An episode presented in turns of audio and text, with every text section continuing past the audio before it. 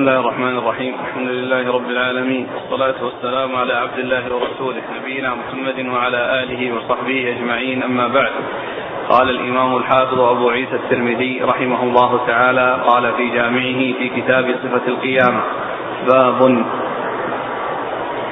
قال حدثنا هناد قال حدثنا يونس بن بكير قال حدثني عمر بن زر قال حدثنا مجاهد عن ابي هريره رضي الله عنه انه قال كان أهل الصفة أضياف أهل الإسلام لا يأوون على أهل ولا مال.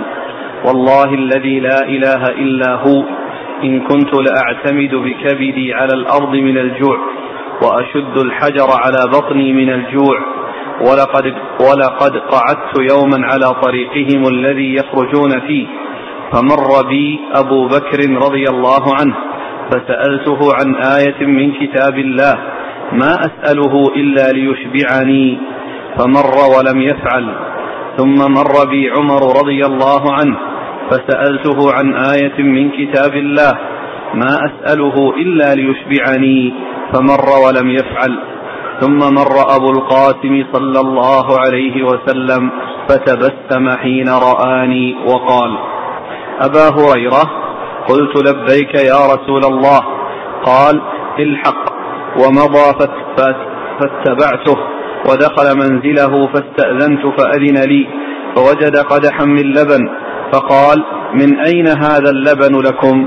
قيل أهداه لنا فلان فقال رسول الله صلى الله عليه وسلم أبا هريرة قلت لبيك فقال الحق إلى أهل الصفة فادعهم وهم أضياف الإسلام لا يؤون على أهل ومال إذا أتته, إذا أتته صدقة بعث بها إليهم ولم يتناول منها شيئا. وإذا أتته هدية أرسل إليهم فأصاب منها وأشركهم فيها. فساءني ذلك وقلت ما هذا القدح بين أهل الصفة وأنا رسوله إليهم؟ فسيأمرني أن أديره عليهم. فما عسى أن يصيبني منه وقد كنت أرجو أن أن أصيب منه. وقد كنت أرجو أن أصيب منه ما يغنيني ولم يكن بد من طاعة الله وطاعة رسوله. فأتيتهم فدعوتهم فلما دخلوا عليه فأخذوا مجالسهم فقال أبو هريرة خذ القدح وأعطهم. فأخذت القدح فجعلت أناوله, أناوله الرجل فيشرب حتى يروى ثم يرده فأناوله الآخر حتى انتهيت به إلى رسول الله صلى الله عليه وسلم. وقد روي القوم كلهم فأخذ رسول الله صلى الله عليه وسلم القدح فوضعه على يديه ثم رفع رأسه فتبسم. فقال أبا هريرة اشرب فشربت. ثم قال اشرب فلم أزل أشرب ويقول ويقول اشرب. حتى قلت والذي بعثك بالحق ما أجد له مسلكا فأخذ القدح فحمد الله وسمى ثم شرب. قال أبو عيسى هذا حديث حسن صحيح. بسم الله الرحمن الرحيم. الحمد لله رب العالمين وصلى الله وسلم وبارك على عبده ورسوله نبينا محمد وعلى آله وأصحابه أجمعين. أما بعد فهذا حديث من الأحاديث التي أوردها الترمذي رحمه الله في كتاب آه، صفة القيامة والرقائق والزهد وهو يتعلق بالزهد وبالرقائق وذلك أن الرسول صلى الله عليه وسلم وأصحابه كانوا متقللين من الدنيا ولم يكن عندهم المال الكثير فكانوا كانوا من أهل الزهد في الدنيا والتقلل فيها رضي الله تعالى عنهم وأرضاهم. وفي هذا الحديث أن أبا هريرة يخبر عن أهل الصفة وعنه وهو واحد منهم وقال إنهم أضياف الإسلام لا يأوون على أهل ولا مال. هم أضياف الإسلام هم ضيوف يبقون في المسجد وفي مكان آه، منه. خاص بهم. يقال له الصفة. وكانوا يقلون ويكثرون. ومن آه، وهم لا يأوون على أهل لأن ليس لهم أهل يأوون عليهم. ولهم بيوت يعني يأوون إليها. وليس لهم مال يستطيعون أن يوجدوا مساكن يسكنونها. فهم فقراء. ليس عندهم ما يأكلونه. فضلا عن أن يكون عندهم القدرة على تحصيل آه، السكن وتحصيل الطعام الذي يغنيهم ويكفيهم بل كانوا يكونون في المسجد والرسول صلى الله عليه وسلم إذا جاءه صدقة بعثها إليهم لأنه صلى الله عليه وسلم كان لا يأخذ الصدقة وإذا جاءته هدية آه، استفاد منها وأفادهم وأرسل إليهم منها صلوات الله وسلامه وبركاته عليه. فيقول أبو هريرة رضي الله عنه كان أهل الصفة أضياف الإسلام أي أنهم ضيوف وهم مسلمون وليس لهم مأوى ومسكن وليس لهم مال يتمكنون به من الاستغناء عن الجلوس في المسجد فكانوا رضي الله عنهم وأرضاهم يبقون فيه ويستفيدون من إحسان المحسنين ومن آه، الصدقات التي تأتي للرسول صلى الله عليه وسلم. وكذلك من الهدايا التي تهدى إليه. وكان أبو هريرة رضي الله عنه منهم وكان يصيبه الجوع وكان آه، يضع صدره على الأرض ويضع الحجر على بطنه من الجوع. فكان يجلس على طريق الداخل خارجين من المسجد خارجين إلى المسجد من بيوتهم. التي هي بجوار المسجد وهي بيوت الصحابة كأبي بكر وعمر وغيرهم رضي الله عنهم وأرضاهم فأخبر أنه كان يكون في الطريق وإذا أقبل الواحد منهم سأله عن مسألة في العلم وهو لا يريد آه، المسألة نفسها وإنما يريد أن يستتبعه أن يطلب منه أن يذهب معه إلى بيته ليحصل شيئا يأكله. قال فخرج أبو بكر وسأله و ومضى لسبيله ثم خرج ثم جاء عمر ومضى لسبيله. ويحتمل أن مضيهم أنهم ما عرفوا حاجة أبي هريرة رضي الله عنه وإنما فهموا أنه يسأل في العلم وأجابوه ومشوا. ويحتمل أنه ليس عندهم شيء يقدمونه له. رضي الله تعالى عنه وعنهم وعن الصحابة أجمعين. ثم خرج رسول الله صلى الله عليه وسلم فلما رآه تبسم لأنه كان يعرف حاله ويعرف آه، شأنه رضي الله عنه ثم قال آه، الحق بي وذهب إلى منزله وتبعه واستأذن لأن الرسول صلى الله عليه وسلم سبقه ثم يعني لحق به ثم استأذن فأذن الرسول صلى الله عليه وسلم فوجد في بيته قدحا من لبن. فسأل آه، آه، عنه يعني هل هو صدقة وإلا هدية. فأخبر بأنه هدية هداه فلان يعني غير مسمى غير مذكور اسمه ولكنه عرف بأنه هدية. فأبو هريرة طلب من أبي هريرة أن يدعو أهل الصفة وأبو هريرة رضي الله عنه بلغ به الجوع ما بلغ. وهذا القدح آه، رأى أنه كيف آه، يستفيد منه وأهل الصفة سيأتون ثم أيضا يعني سيبدأون بالشرب وهو الذي يناولهم فخشي أن لا يبقى منه شيء فذهب ودعاهم. ولما وصلوا وأخذوا مجالسهم أعطاه النبي صلى الله عليه وسلم القدح وأمره بأن يناولهم. فجعل يعطيه الرجل فيشرب منه ويقضي حاجته منه ثم يعيده إليه ثم يعطيه للآخر وهكذا. وهذا فيه دليل على أن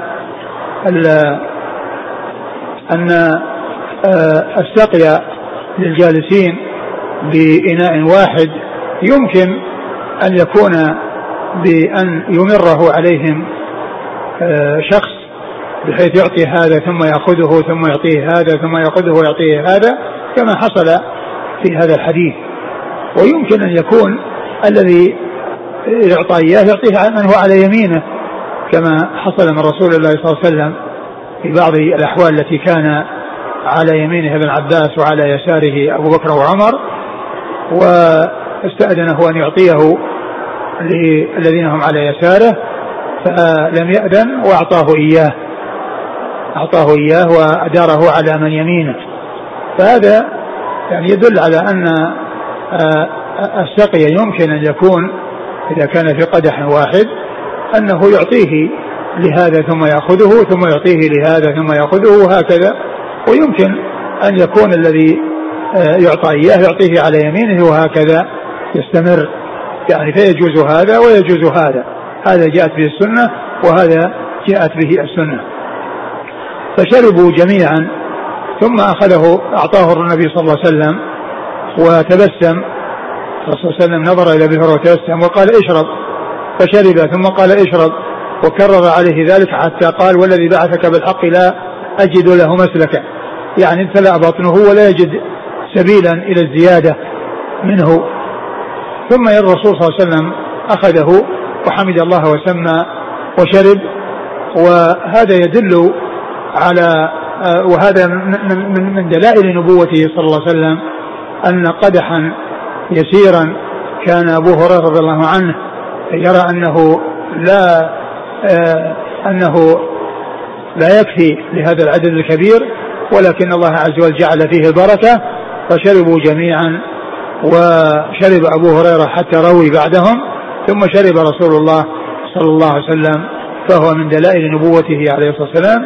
وفيه أيضا وهو الذي ساقه من أجل المصنف آه، ما كان عليه أصحاب الرسول صلى الله عليه وسلم من القلة والتقلل من الدنيا وأن أهل الصفة هذا شأنهم رضي الله عنهم وأرضاهم وأنهم أضياف الإسلام وأنهم ليس لهم أهل يأوون إليهم ولا مال يستطيعون به أن يستغنوا عن غيرهم بأن آه، يحصلوا السكن بالمال ويحصلوا المآكل والمشارب بالمال. وهم فقراء آه، يستفيدون من الصدقات الصحابة رضي الله عنهم وأرضاهم. ومن الهدايا التي تهدى ومن الصدقات التي تصل للرسول صلى الله عليه وسلم يعني يوصلها إلى من يستحقها. وكذلك أيضا من الهدايا التي تهدى إليه صلوات الله وسلامه وبركاته عليه. نعم. أقرأ الحديث مرة ثانية.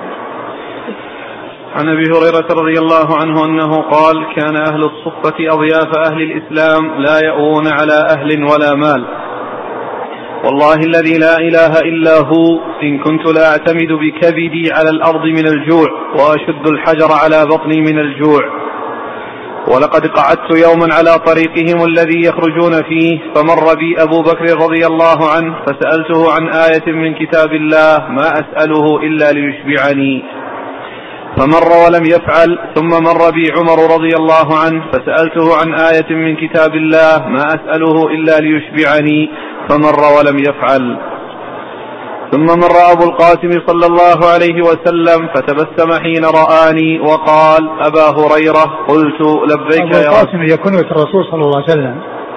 وقد قال الحافظ بن حجر في فتح الباري وذكر الرسول صلى الله عليه وسلم بكنيته حسن وذكره بوصف الرسالة أحسن. وذكره بوصف الرسالة أحسن. يعني كونه يقول قال أبو القاسم هذا حسن وكونه يقول قال رسول الله صلى الله عليه وسلم أحسن. نعم. وقال أبا هريرة قلت لبيك يا رسول الله قال الحق. وكلمة لبيك هذه أيضا من الجواب الحسن الذي يجيب به من سئل أو من نودي. يجيب به من نودي فأن يقول لبيك. هذا من الجواب الحسن الذي يقوله من نودي. وكان الصحابة رضي الله عنهم وأرضاهم عندما يناديهم النبي صلى الله عليه وسلم يقول واحد منهم لبيك يا رسول الله ومن ذلك ما جاء في حديث معاذ بن جبل الذي فيه آه، كونه راكبا وراء النبي صلى الله عليه وسلم فقال له يا معاذ بن جبل قلت لبيك يا رسول الله وسعديك وكرر ذلك فهي من الجواب الذي يجيب به من نودي وهو جواب حسن. نعم. قال الحق ومضى فاتبعته ودخل منزله فاستأذنت فأذن لي فوجد قدحا من لبن فقال من أين هذا اللبن لكم؟ قيل أهداه لنا فلان.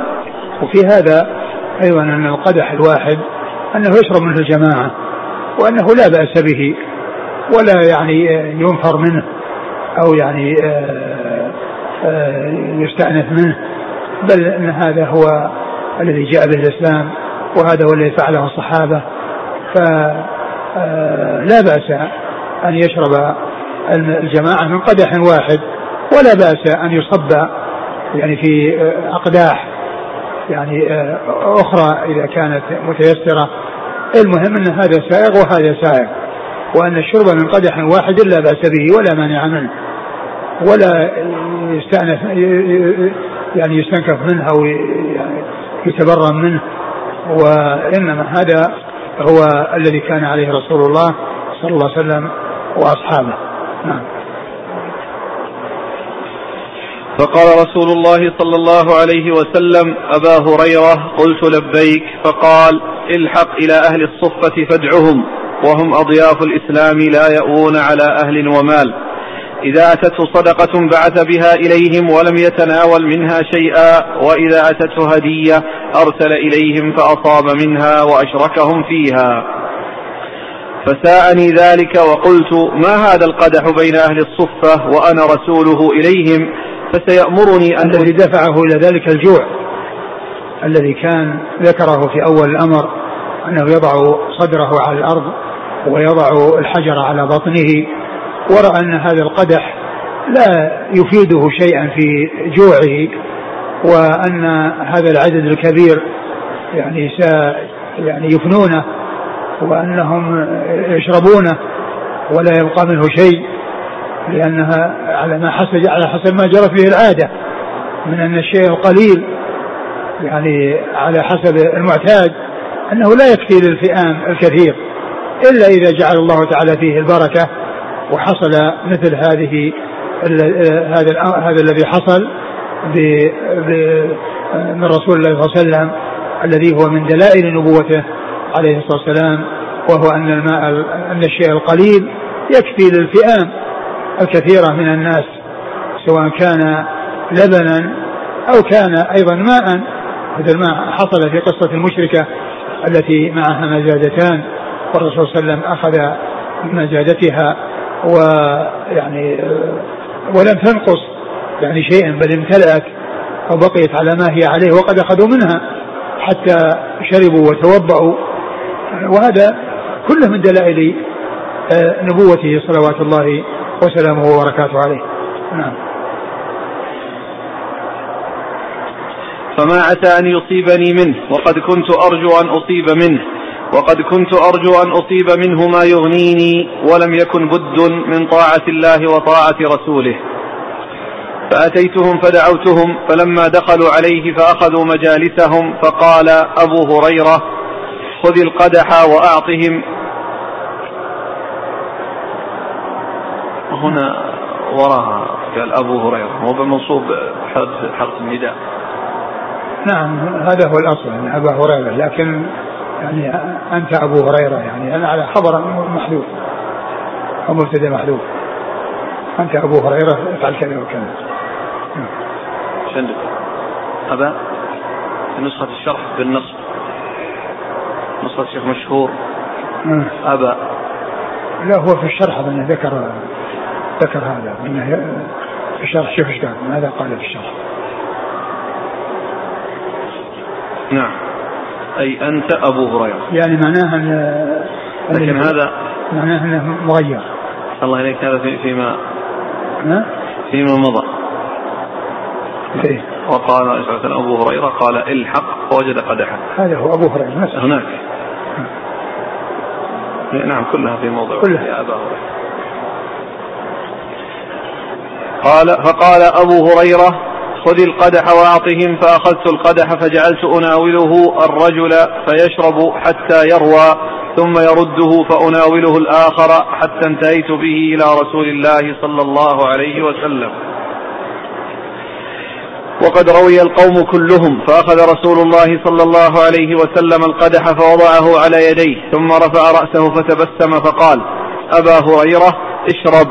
فشربت ثم قال اشرب. فلم أزل أشرب ويقول اشرب. حتى قلت والذي بعثك بالحق ما أجد له مسلكا. فأخذ القدح فحمد الله وسمى ثم شرب. قال حدثنا هناد هناد بن السري ثقة أخرجه البخاري في خلق أفعال العباد ومسلم وأصحاب السنة. عن يونس بن بكير وهو صدوق يخطئ أخرج البخاري تعليقا ومسلم وأبو داود والترمذي وابن ماجه. نعم. عن عمر بن ذر وهو ثقة أخرج البخاري وأبو داود والترمذي والنسائي وابن ماجه في التفسير. نعم. عن مجاهد وهو ثقة أخرج أصحابه من الستة. عن أبي هريرة. عن أبي هريرة عبد الرحمن بن صخر الدوسي رضي الله عنه وهو أكثر الصحابة حديثا. وهذا ملازمة الرسول صلى الله عليه وسلم وكونه دائما معه وأنه يتبعه لطعامه وشرابه. من أجل ذلك كان أكثر الصحابة حديثا لملازمته الرسول صلى الله عليه وسلم وكونه يحضر مجالسه بخلاف غيره من الصحابة فإنهم كانوا يذهبون لأعمالهم ويأتون بل يتناوبون بل كانوا يتناوبون يجمعون بين مصالحهم الخاصة وبين الاستفادة من مجالس الرسول صلى الله عليه وسلم وحديثه فكانوا يتناوبون كما جاء عن عمر وجاره من الأنصار حيث كان كل واحد منهم ينزل في يوم وإذا رجع أخبره أخبر صاحبه بالذي سمعه من رسول الله صلى الله عليه وسلم. وكذلك عقبة بن عامر رضي الله عنه الذي قال كنا نتناوب رعاية الإبل. يعني كل يجمعون هذا عنده خمس وهذا عنده ثلاث وعنده أربعة وهذا عنده عشر ثم كل يوم يصلح بها واحد. والباقون جالسون عند رسول الله صلى الله عليه وسلم يسمعون حديثه. نعم.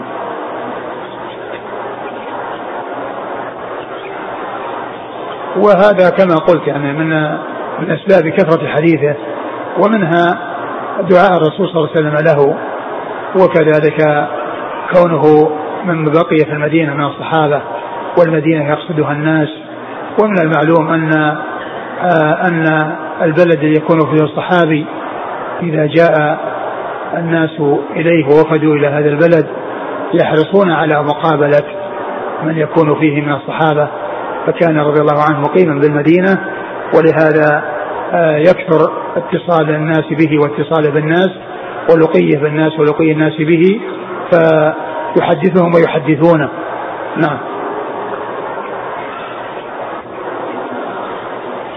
يقول السائل فضيلة الشيخ حفظك الله ورعاك هل يدل هذا فعل أبي هريرة لا أعتمد بكبدي على الأرض يدل على الاضطجاع على البطن؟ جاء النهي عن ذلك عن رسول الله صلى الله عليه وسلم لكن كونه يعني يفعل أحيانا لشيء يجده في صدره أو في يعني آه، يفيده في ذلك لا بأس به. نعم. ويقول الأخ ما معنى كلمة الصفة؟ الصفة مكان مخصص في شمال المسجد مظلل يقيم فيه الذين ليس لهم أهل وليس لهم مال. من الفقراء. وغالب أنهم من المهاجرين. نعم. وهل المكان المرتفع خلف الحجرة هو مكان أهل الصفة؟ لا. لا يقال إنه هو ومكانه بالضبط وبالتحديد الله أعلم به. نعم. ما ندري عن مكانه بالتحديد. ولا وليس هذا المكان المرتفع هو الصفة ولا يقال إنه لأن ما في شيء يدل على هذا. هل في سؤال النبي صلى الله عليه وسلم عن اللبن من أين يستفاد منه؟ أن الرجل إذا دخل بيته يسأل عن الطعام الذي لا يعرف مصدره؟ لا. لأن الرسول صلى الله عليه وسلم الذي يصل إليه صدقة وهدية وهو يسأل من أجل يعرف هل له أن يستعمله أو ليس له أن يستعمله. لأنه إذا كان صدقة فلا تحل له صدقة. وإن كان هدية فإنها تحل له. فهو يسأل من أجل أن يعرف هل له أن يستعمله أو ليس له أن يستعمله. وأما غيره ليس كذلك. هل في هذا الحديث دليل على أنه يطلب بالعلم أمر من أمور الدنيا لحاجة كفعل أبي هريرة يسأل عن الآية وليس له حاجة في تعليم يمكن الإنسان يعني يتخذ يعني شيء من الحيل التي يصل بها إلى مراده وإن لم يكن آه، آه، نص عليه يعني بدلا من يسأل الناس ويقول أنا بحاجة إلى كذا يعرض يعني شيء من التعريض وهذا من التعريض. نعم.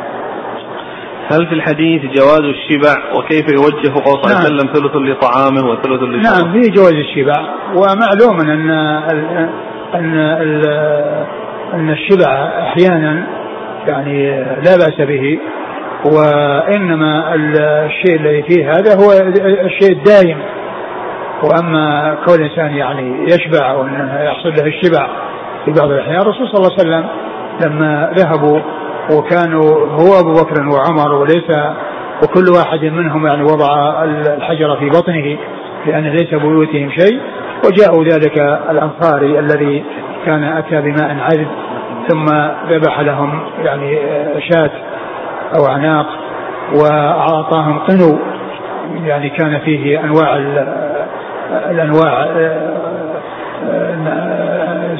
الرطب وكذلك البسر وأكلوا من هذا وهذا حتى شبعوا.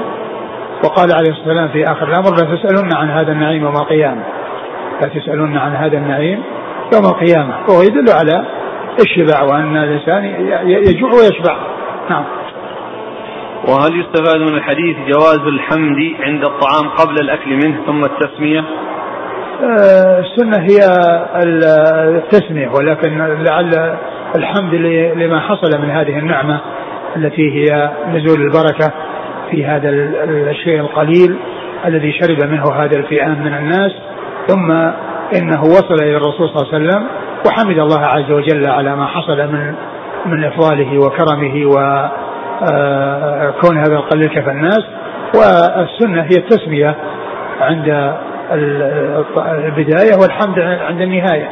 نعم. قال رحمه الله تعالى باب. قال حدثنا محمد بن حميد الرازي. قال حدثنا عبد العزيز بن عبد الله القرشي. قال حدثنا يحيى البكاء عن ابن عمر رضي الله عنهما أنه قال تجشأ رجل عند النبي. قال حدثنا محمد بن حميد الرازي. قال حدثنا عبد العزيز بن عبد الله القرشي. قال حدثنا يحيى البكاء عن ابن عمر رضي الله عنهما قال تجشأ رجل عند النبي صلى الله عليه وسلم فقال كف عنا جشاءك فإن أكثرهم شبعا في الدنيا أطولهم جوعا يوم القيامة. قال أبو عيسى هذا حديث غريب من هذا الوجه. وفي الباب عن أبي جحيفة رضي الله عنه. ثم أبو عيسى هذا الحديث عن ابن عمر رضي الله تعالى عنهما أن رجلا تجشى عند رسول الله صلى الله عليه وسلم يعني معناه أنه آه، قد شبع ويخرج من جوفه آه، آه، من فمه يعني نتيجة لذلك صوت يعني بسبب الشبع. فالرسول صلى الله عليه وسلم قال كف عنا جشاءك فإن فإن فإن أطولهم فإن أكثرهم شبعا في الدنيا أطولهم جوعا يوم آه، القيامة. أكثرهم شبعا في الدنيا أطولهم جوعا يوم القيامة. يعني معناه أن أن الذي يعني يكون آه، آه، منه كثرة الأكل وكثرة الشبع يعني يكون أطولهم جوعا يوم القيامة.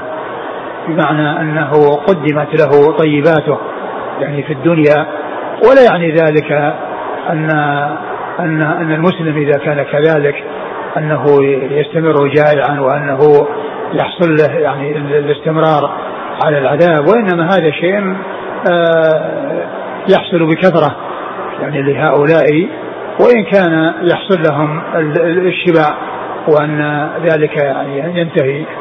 والحديث فيه ثلاثة ضعفاء كل إسناده هو مسلسل بالضعفاء وليس فيه إلا الصحابي ومن عدا الصحابي هو رباعي وثلاثة منهم كلهم ضعفاء. والشيخ ناصر ذكر أن هناك أحاديث وشواهد له وكلها لا تخلو من ضعف وقال إنها تصل إلى الحسن وقد ذكرها وكلها فيها ضعف ضعف وبعضها ضعف شديد. وهذا الحديث الذي معنا هو مسلسل بالضعفاء لأن فيه آه، الرازي محمد بن حميد الرازي هو ضعيف. والذي بعده منكر الحديث والذي فوقه ضعيف وليس فيه إلا الصحابي رضي الله عنه ومن عداه فإنهم ضعفاء. قال حدثنا محمد بن حميد الرازي هو ضعيف أخرج له أبو داود والترمذي وابن ماجه. نعم. عن عبد العزيز بن عبد الله القرشي. وهو منكر الحديث أخرج له الترمذي وابن ماجه. نعم. عن يحيى البكاء وهو ضعيف أخرج له الترمذي وابن ماجه. نعم. عن ابن عمر. عبد الله بن عمر رضي الله عنهما أحد العباد له الأربعة وأحد السبعة المكثرين من حديث رسول الله صلى الله عليه وسلم. وفي الباب عن أبي جحيفة. أبو جحيفة وهذا بن عبد الله السوائي رضي الله عنه. أخرج حديث أصحاب كتب الستة.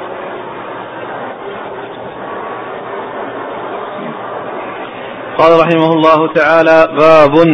قال حدثنا قتيبة قال حدثنا أبو عوانة عن قتادة عن أبي بردة بن أبي موسى عن أبيه رضي الله عنه أنه قال يا بني لو رأيتنا ونحن مع رسول الله صلى الله عليه وسلم وأصابتنا السماء لحسبت أن ريحنا ريح الضأن. قال أبو عيسى هذا حديث صحيح ومعنى هذا الحديث أنه كان ثيابهم الصوف فإذا أصابهم المطر يجيء من ثيابهم ريح الضأن. ثم ورد أبو عيسى حديث أبي موسى الأشعري رضي الله عنه أن أنه قال لابنه يا بني لرأيتنا ويعني إذا أصابتها السماء إذا نزل المطر من السماء وثيابهم من الصوف يظهر آه، يعني يكون ريح الضأن.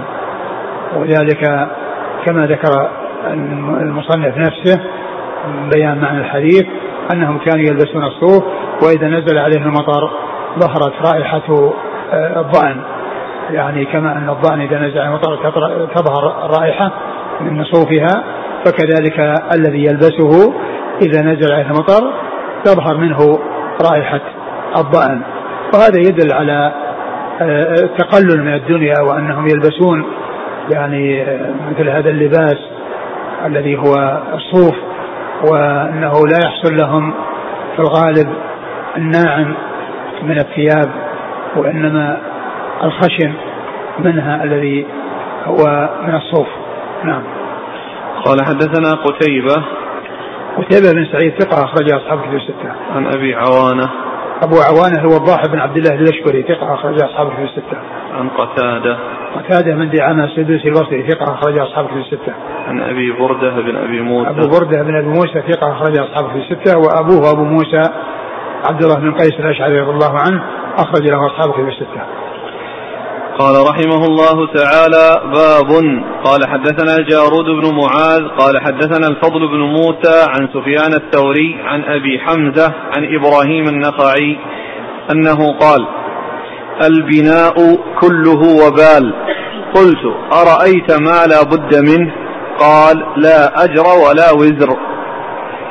ثم ذكر هذا الأثر عن إبراهيم النخعي وإبراهيم النخعي هو من صغار التابعين وهو هذا الأثر ضعيف لأن في اسناده أبو حمزة الأعور القصاب وهو ضعيف فهو من كلام هذا التابعي الذي هو من صغار التابعين. وأيضا لم يثبت أو يعني في إسناده ولم يصح لأن في طريقه هذا الرجل الضعيف الذي هو أبو حمزة الأعور القصاب.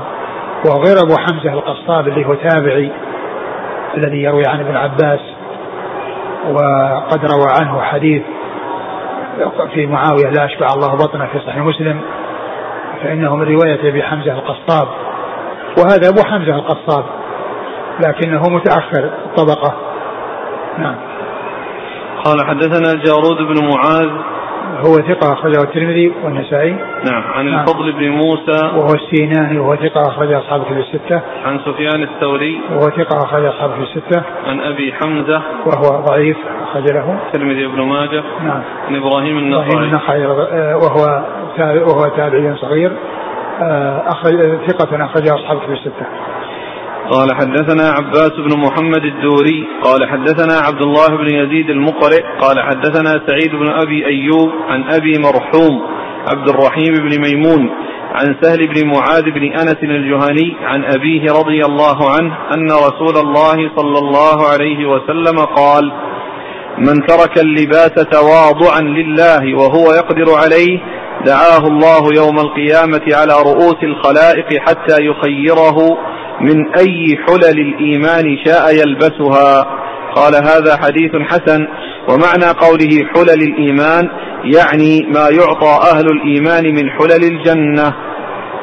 ثم ورد وليس حديث آه، معاذ بن أنس الجهني عن أبيه رضي الله تعالى عنه أن النبي صلى الله عليه وسلم قال من ترك اللباس تواضعا لله. تواضعا لله دعاه الله عز وجل. وهو قادر. وهو يقدر عليه. وهو يقدر عليه دعاه الله عز وجل حتى يخيره يخيره من حلل الإيمان شاء. ومعنى حلل الإيمان بينه المصنف بأن مقصوده الحلل التي تعطى لأهل الإيمان في الجنة التي تعطى والتي يشتاها أهل الإيمان في الجنة. وهذا فيه بيان آآ آآ عدم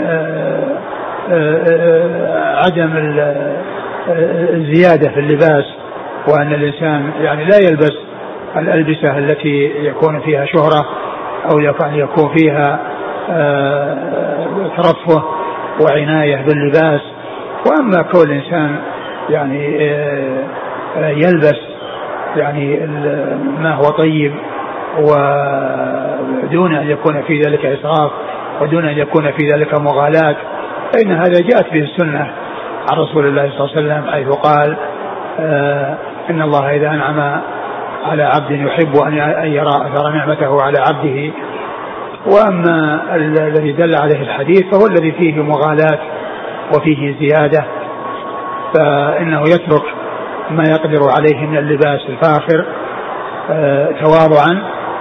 هذا هو الذي آه يدل عليه الحديث. ولا يعني ذلك أن الإنسان يعني يلبس الأشياء البالية والأشياء الرديئة جدا وهو قادر وإنما يكون معتدلا متوسطا. ولو كان قادرا فإنه لا يبالغ ولا يغالي وإنما يعتدل ويتوسط ويترك آآ آآ اللباس الذي فيه ظهور وفيه شهرة وفيه يعني مغالاة وفيه كثرة ثمن.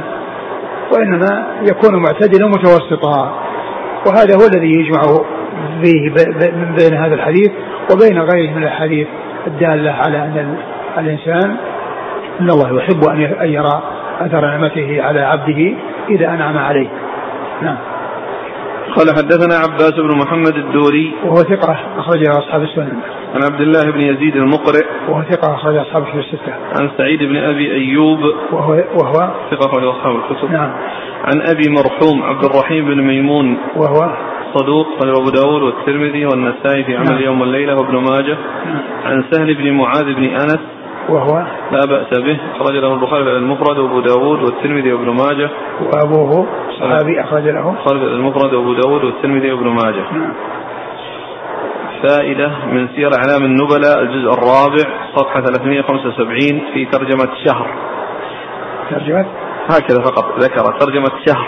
شهر؟ نعم. شهر بن حوشب. قال يقول الذهبي رحمه الله من مليح قول شهر من ركب مشهورا من الدواب ولبس مشهورا من الثياب أعرض الله عنه وإن كان كريما. قلت أي الذهبي من فعله ليعز الدين ويرغم المنافقين ويتواضع مع ذلك للمؤمنين ويحمد رب العالمين فحسن. ومن فعله بذخا وتيها وفخرا أذله الله وأعرض عنه.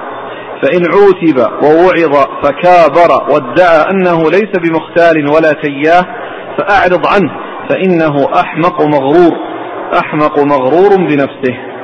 انتهى. كلام شهر وشو من ركب مشهورا من الدواب ولبس مشهورا من الثياب أعرض الله عنه وإن كان كريما. يعني هذا الكلام اللي هو أعرض الله عنه هذا من الأمور التي يعني لا تقال إلا يعني بالوحي ولا تعرف إلا بالسنة لكن يمكن يكون فهمة من جهة يعني ذم يعني من يكون يعني كذلك لكن يعني الوصف بإعراض الله عنه. يعني ولو كان كريما يعني فيه ما فيه. نعم. يقول السائل هل يدخل في هذا الحديث لبس الخواتم والساعات الغالية؟ نعم إذا كانت إنها غالية جدا وباهظة الثمن فهذا من هذا القبيل لا شك. ما هو ضابط الشهرة؟ الشهرة الذي يعني يشار إليه بالبنان لأنه تميز على غيره بشيء من اللباس. سؤال ملفت للنظر. هل لبس العقال من المغالاة في اللباس؟ لا هذا هذا رخيص. أقول ما هو ما هو شيء غالي. قال رحمه الله تعالى باب. قال حدثنا محمد بن حميد الرازي. قال حدثنا زافر بن سليمان عن إسرائيل عن شبيب بن بشير. هكذا. قال شبيب بن بشير. وإنما هو شبيب بن بشر. عن أنس بن مالك رضي الله عنه أنه قال قال رسول الله صلى الله عليه وسلم النفقة كلها في سبيل الله إلا البناء فلا خير فيه. قال أبو عيسى هذا حديث غريب. ثم أورد أبو عيسى هذا الحديث واستغربه يعني والغريب عنده إذا جاء وحده معناه أنه ضعيف. وقوله النفقة كلها في سبيل الله إلا كما كان في البناء فلا خير فيه. إلا البناء فلا خير فيه. إلا البناء فلا خير فيه. يعني إذا وضع في البناء فإنه لا خير فيه. يعني والمقصود من ذلك الذي لا حاجة إليه أو الشيء الذي يكون فيه مباهات يعني مثل مثل ما جاء في الحديث يتطاولون في البنيان. يعني مباهاة وتفاخرا.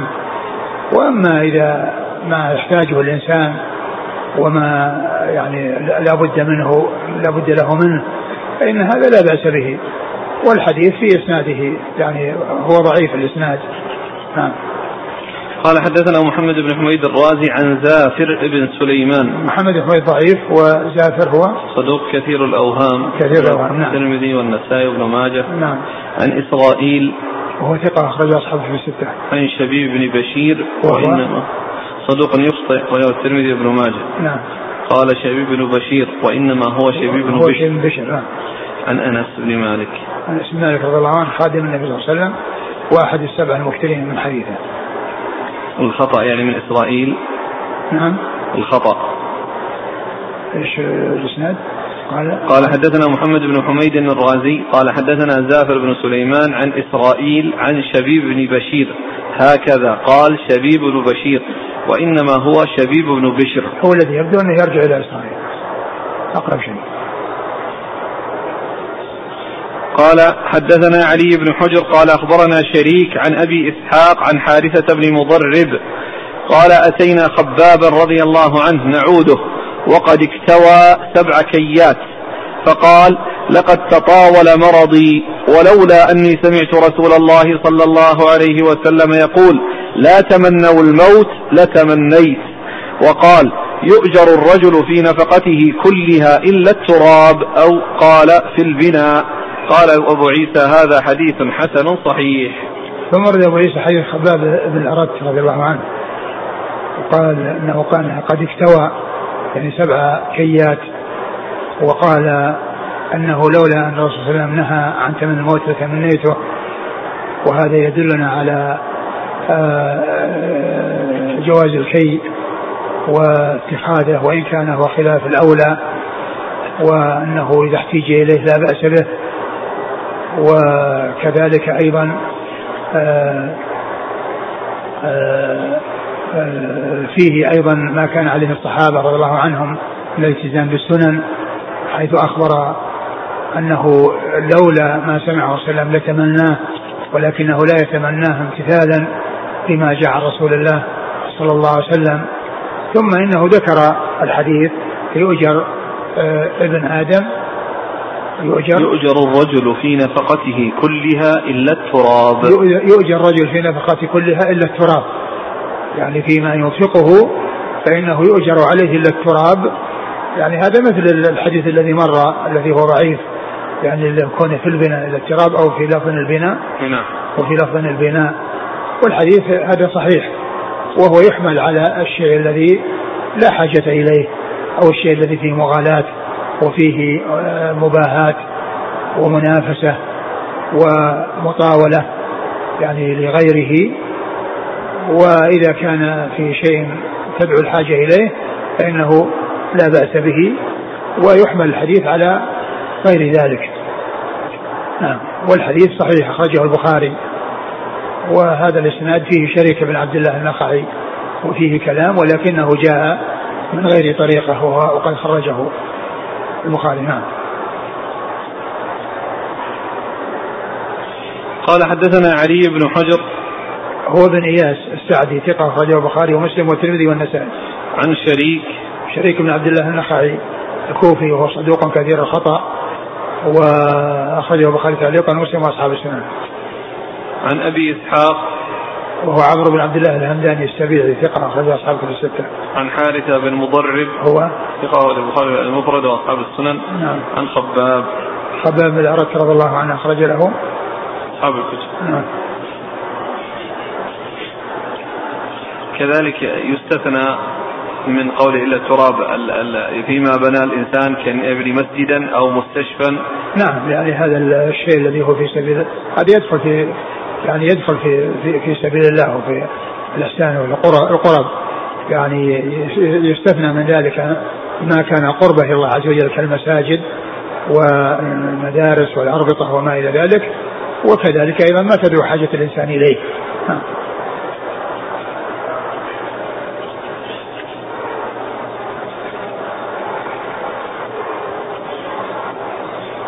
قال رحمه الله تعالى باب. قال حدثنا محمود بن غيلان قال حدثنا أبو أحمد الزبيري قال حدثنا خالد بن طهمان أبو العلاء قال حدثنا حسين قال جاء سائل فسأل ابن عباس رضي الله عنهما فقال ابن عباس للسائل أتشهد أن لا إله إلا الله؟ قال نعم. قال أتشهد أن محمدا رسول الله؟ قال نعم. قال وتصوم رمضان؟ قال نعم. قال سألت وللسائل حق. إنه لحق علينا أن نصلك فأعطاه ثوبا ثم قال سمعت رسول الله صلى الله عليه وسلم يقول ما من مسلم كسى مسلما ثوبا إلا من الله ما دام منه عليه خرقة. قال هذا حديث حسن غريب من هذا الوجه. ثم حديث ابن عباس آه أنه قال لهذا الذي سأله وقد أعطاه ثوبا وقد أعطاه أعطاه في الأول بالسألة وقد أعطاه ثوبا. نعم. في أوله. لا. نعم أعطاه ثوبا. نعم أعطاه ثوبا. وإيش في الآخر قال؟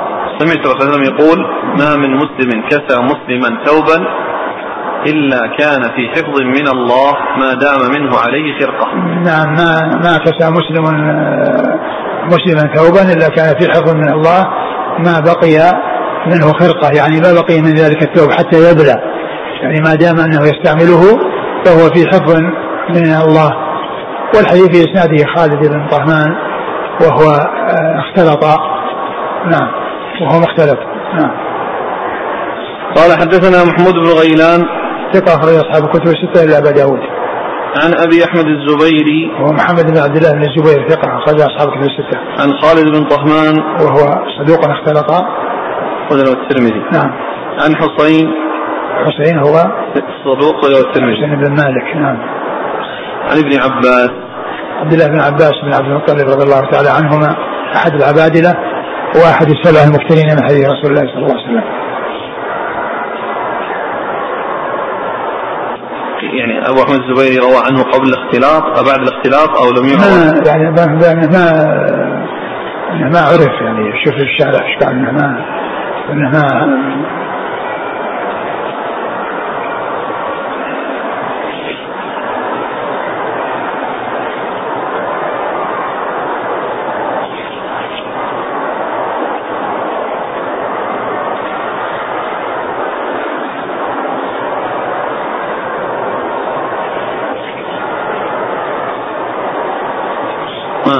ما ذكر شيء؟ ذكر يعني كلام الحافظ ثم اختلط. روي بالتشريع ثم اختلط. ثم في آخر كلامه قال قلت خالد بن طهمان اختلط في آخر عمره كما عرفت. قلنا عشر سنين يعني بعد الاختلاط.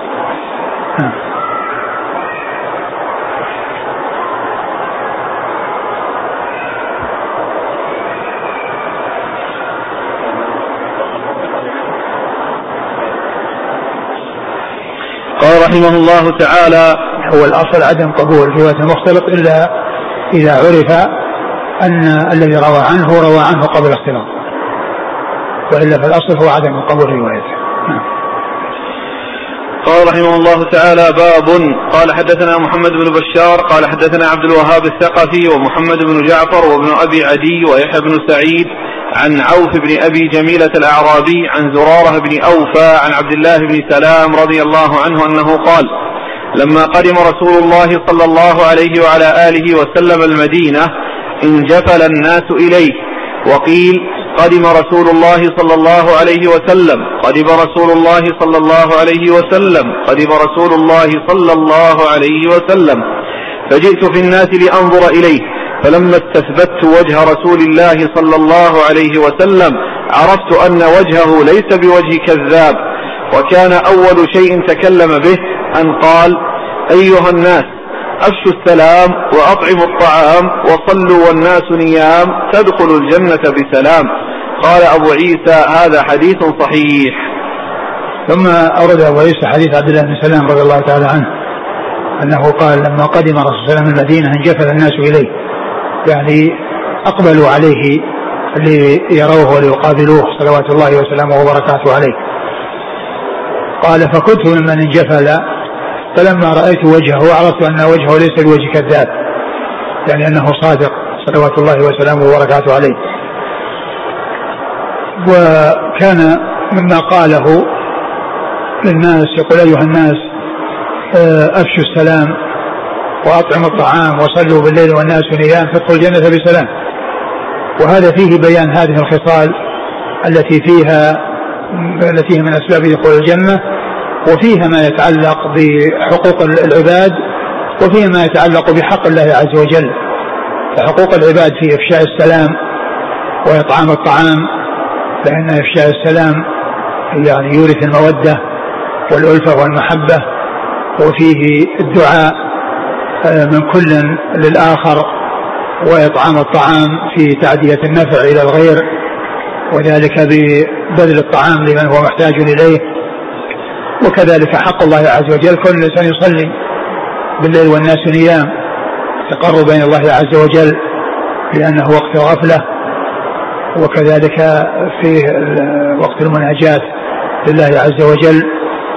ثم قال تدخل الجنة بسلام يعني بسلام من الله عز وجل ومن الملائكة وسلام من الآفات ومن كل ما من كل شيء غير كل شيء سيء وإنما يكون فيه آه، الخير وكل ما هو حسن وكل ما هو فيه السعادة والمنفعة. فالحديث من جوامع كلمة صلى الله عليه وسلم لأن فيه بيان شيء من حقوق العباد وشيء من حقوق الله سبحانه وتعالى والآثار الحميدة والنتائج الطيبة التي تترتب على هذه الأعمال الصالحة التي هي منها ما هو نفع للعباد ومنها ما هو عبادة لله سبحانه وتعالى نعم قال حدثنا محمد بن بشار هو الملقب بن دار ثقة أخرج أصحاب كتب الستة. عن عبد الوهاب الثقفي وهو ثقة أخرج أصحاب كتب الستة. ومحمد بن جعفر هو الملقب غندر ثقة أخرج أصحاب كتب الستة. وابن أبي عدي وهو ثقة أخرج أصحاب الكتب. نعم. ويحيى بن سعيد هو القطان ثقة أخرج أصحابه في الستة. عن عوف بن أبي جميلة وهو ثقة أخرج أصحابه في الستة. عن زرارة بن أوفى وهو ثقة أخرج أصحابه في الستة. عن عبد الله بن سلام عبد الله بن سلام رضي الله عنه أخرج أصحابه في الستة. يقول السائل الأمر بإفشاء السلام هل يقتضي الوجوب؟ آه هو آه قالوا أن ابتداء السنة ورده واجب. ابتداء السنة ورده واجب. وقال عليه السلام خيرهما الذي يبدأ بالسلام. نعم. قال رحمه الله تعالى باب قال حدثنا إسحاق بن موسى الأنصاري قال حدثنا محمد بن معن المدني الغفاري قال حدثني أبي عن سعيد المقبوري عن أبي هريرة رضي الله عنه عن النبي صلى الله عليه وسلم أنه قال الطاعم الشاكر بمنزلة الصائم الصابر. قال أبو عيسى هذا حديث حسن غريب. ثم ورد أبو عيسى هذا الحديث عن النبي صلى الله عليه وسلم أنه قال الطاعم الشاكر بمنزلة الصائم الصابر لأن الذي أكل واستفاد من النعم التي أنعم الله تعالى بها عليه وشكر الله عز وجل عليها آه، واستعان بها على طاعة الله سبحانه وتعالى آه، فهو مأجور ومثاب.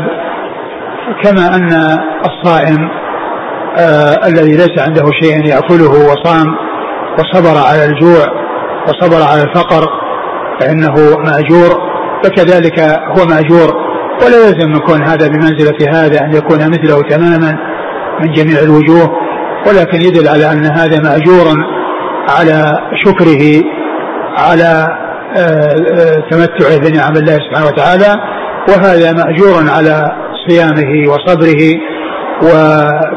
وتعلمه من الجوع وحصول المشقة فهذا مأجور وهذا مأجور وهذا على خير وهذا على خير.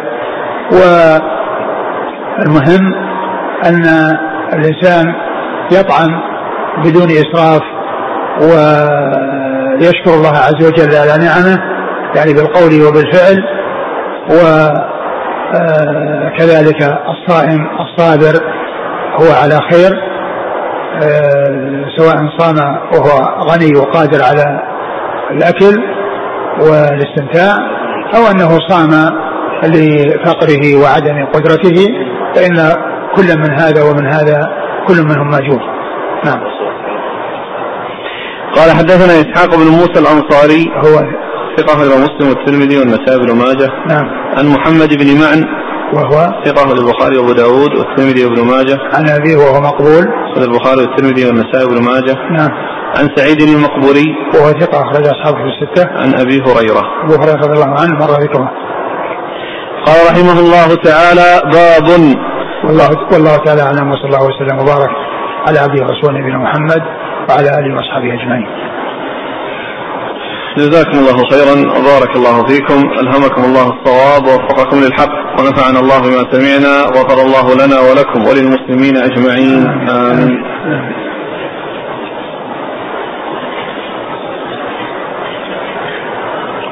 يقول السائل فضيلة الشيخ ما حكم من تجشأ ثم حمد الله؟ لأننا في الغالب من تجشأ يحمد الله فنريد حفظكم الله. هل ورد في ذلك إيش دليل؟ وآخر يقول نسمع من يتجشأ يقول أستغفر الله. فأيهما أصح؟ ما أعلم شيء يدل لا على هذا ولا على هذا. يقول جزاكم الله خيرا هل تكون الشهرة اليوم بشدة تشمير الثوب إلى أنصاف الساق؟ وهل يصح الاستشهاد بما ورد عن بعض السلف إن الشهرة اليوم بالتشمير آه، الشيء الذي فيه فعل السنة لا يقال إنه شهرة. الشيء اللي جاء في السنة. الشيء الذي تأتي به السنة لا يقال إنه شهرة. نعم. وهذا يقول أثابكم الله هل لبس العمامة هل لبس العمامة في هذا الزمان في هذه البلاد يعتبر تشبه بأهل البدع؟ فغالب من يلبسها في هذه البلاد هم أهل البدع.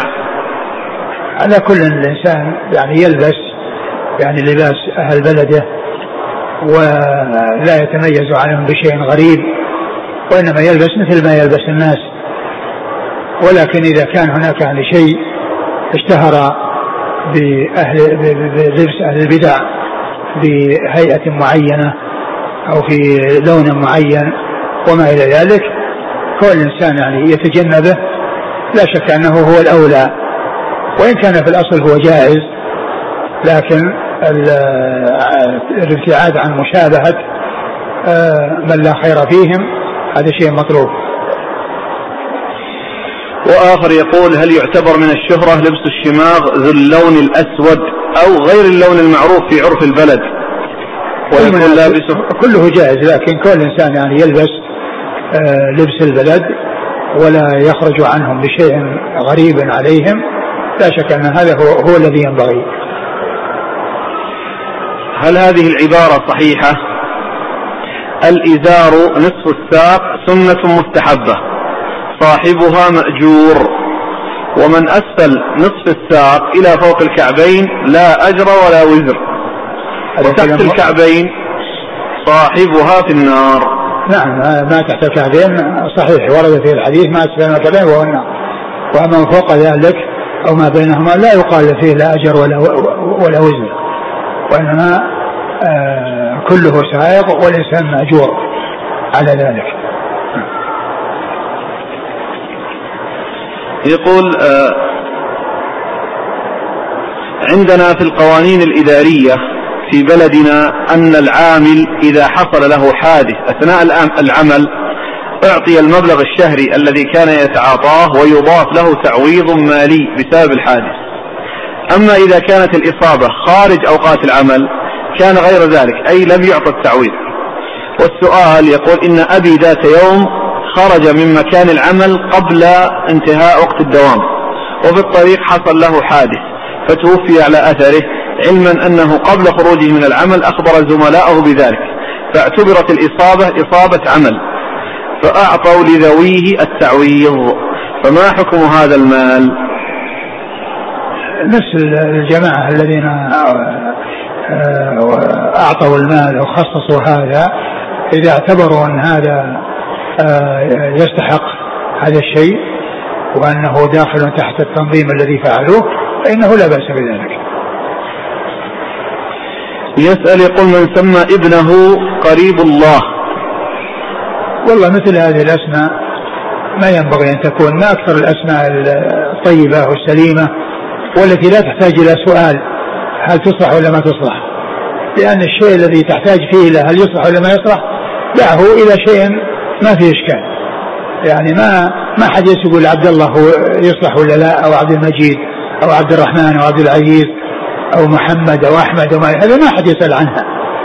الإنسان الشيء الذي فيه فيه شبهة دعنا يربك إلى ما لا يربك ومثل هذه الأسماء قريب الله وأمر الله وما إلى ذلك كل هذه ما ينبغي أن يسمى بها. ويسأل عن تسمية مدرسة أو مسجد بيت البيت المعمور هذا أقول هذا غلط. لأن البيت المعمور جاء في القرآن وجاء في البيت المعمور أنه في السماء السابعة وأنه فوق الكعبة وأنه يدخله يوميا سبعون ألف من الملائكة فمثل هذا ما يصلح ما لا يقال بيت المعمور ولا يقال الكعبة ولا يسمى كعبة. ما يقال له الكعبة كيف يقال له بيت المعمور يقول ما رأيكم في تفسير النسفي وهل تعلمون حاشية أو تحقيق مفيد عليه؟ ما أدري لا أدري.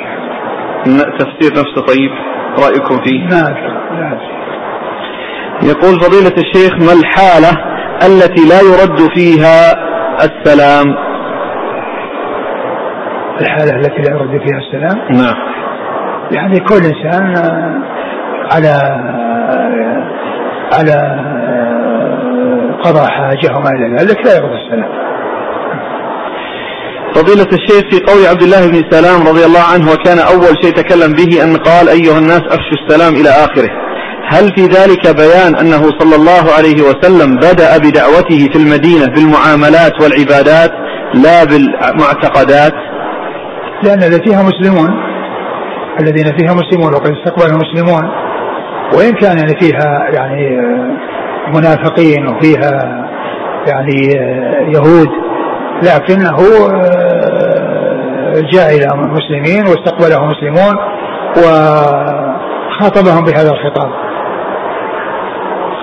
هل يدخل في قوله إطعام الطعام من يطعم أهله وينفق عليهم ويكسوهم؟ لا شك أن هذه نفقة واجبة ولكن الإنسان إذا احتسب فيما هو واجب يؤجر عليه. وأما إذا لم يحتسب فإنه لا يؤجر عليه.